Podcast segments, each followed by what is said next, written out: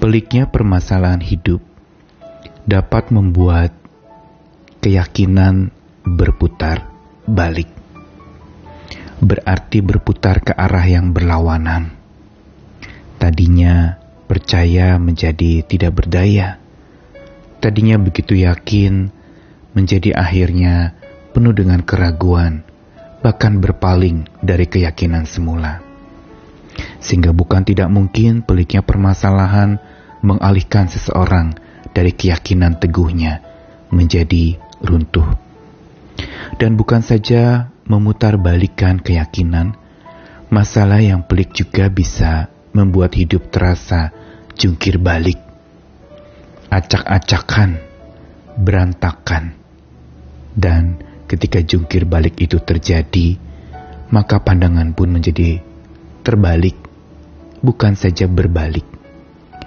Menjadi pandangan yang makin keliru dan penuh dengan berbagai macam hal-hal yang saru dan membuat badai makin menderu, menghancurkan semangat dan hidup seseorang.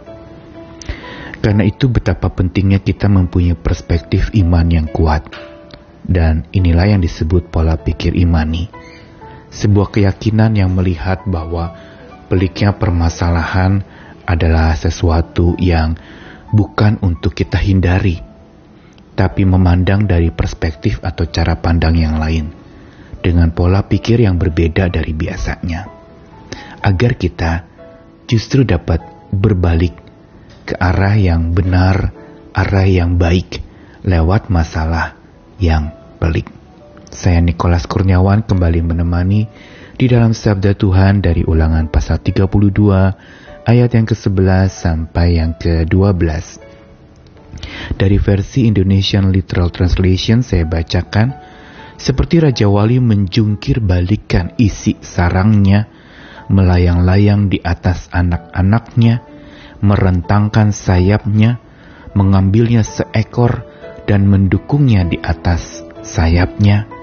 Demikianlah Yahweh sendiri membimbingnya, dan tidak ada ilah lain bersamanya.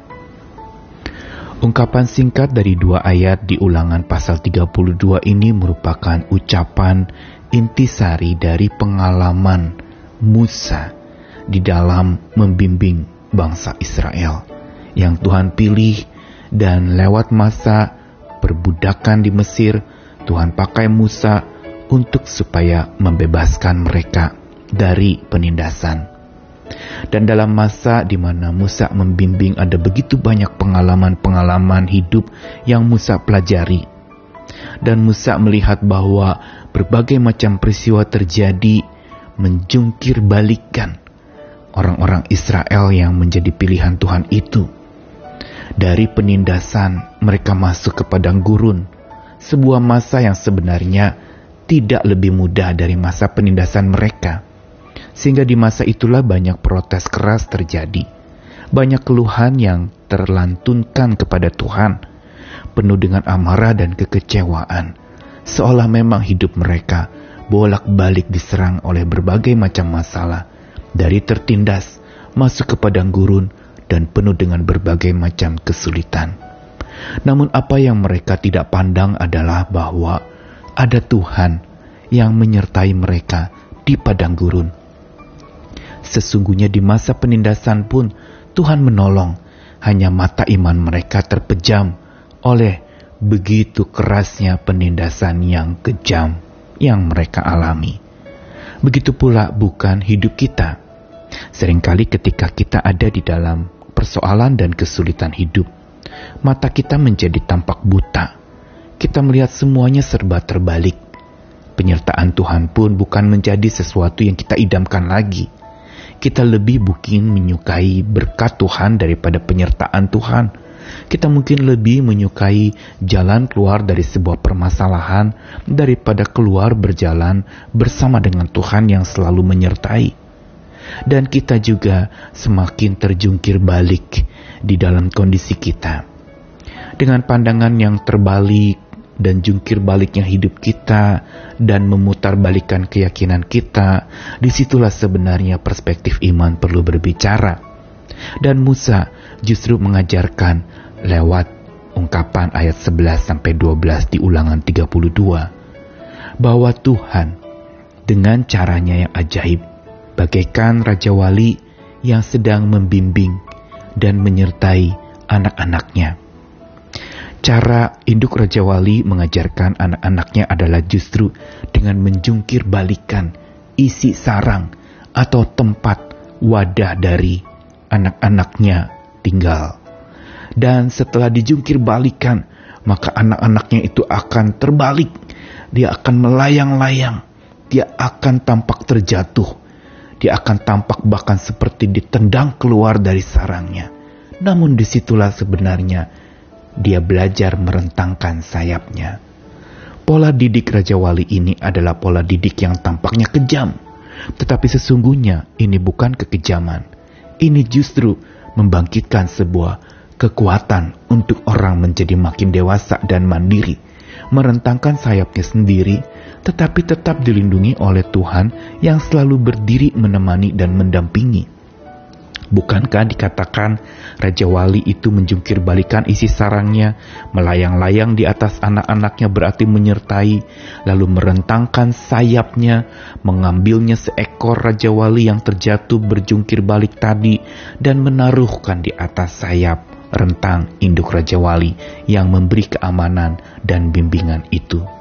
Begitu pula cara Tuhan untuk supaya mendekatkan diri kepada kita dan membuat kita mendekatkan diri kepada Tuhan, yaitu Dia bisa sewaktu-waktu menjungkir balikan rasa aman kita. Dia bisa sewaktu-waktu justru menunggang balikan tempat di mana kita rasa itu adalah kenyamanan hidup kita, kemapanan diri kita. Dan saat itulah sebenarnya Tuhan sedang melayang-layang melindungi kita, bahkan merentangkan sayapnya untuk supaya jadi wadah keselamatan kita. Ia mau kita ada di atas sayapnya, karena dia mendukung kita justru di atas sayapnya. Tidak selalu dia mendukung kita di bawah sayapnya dan memberi kenyamanan. Tapi mendukung di atas sayap berarti dia dalam keadaan terbang dan kita pun dalam keadaan yang memang melayang, ada di udara. Tampaknya tidak nyaman dan tidak enak sama sekali. Tetapi itulah cara bimbing Tuhan. Inilah perspektif imani yang perlu kita lihat bahwa masalah pelik yang dihadapi seperti yang orang Israel hadapi juga dalam masa penindasan, masa perbudakan, dan masa padang gurun. Justru itu menjadi sebuah masa di mana Tuhan mengundang mereka untuk selalu berbalik kepada Tuhan. Sama juga Tuhan sedang mengundang kita untuk selalu berbalik kepada Tuhan lewat masalah pelik yang bisa memutar balikan keyakinan kita dan membuat hidup kita terjungkir balik. Tuhan mau kita berbalik kepada Tuhan, Sang Induk Raja Wali sejati yang abadi, penuh cinta kasih dan perlindungan. Supaya apa? Saat kita berbalik kepadanya, mata kita pun tercelik selalu memandangnya di atas persoalan hidup kita. Dan hidup kita pun menjadi makin terdidik iman kita menjadi makin dewasa justru lewat masalah pelik.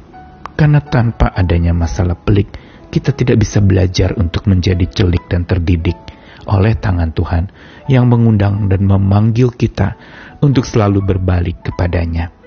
Karena itu marilah kita belajar terus menyediakan waktu, mendisiplin diri untuk setiap saat, setiap kesempatan berbalik kepada Tuhan begitu pula melewati masalah-masalah pelik hidup kita. Selamat berbalik agar keyakinan kita juga berbalik kepadanya. Selamat berbalik kepadanya agar hidup kita tidak lagi terjungkir balik, tetapi makin tercelik oleh kasihnya yang ajaib. Tuhan mengasihi kita, tangannya selalu menopang, sayap kasihnya selalu melindungi, dan memberikan kepada kita kenyamanan untuk bersandar penuh kepadanya. Tuhan mengasihi kita sekalian. Amin.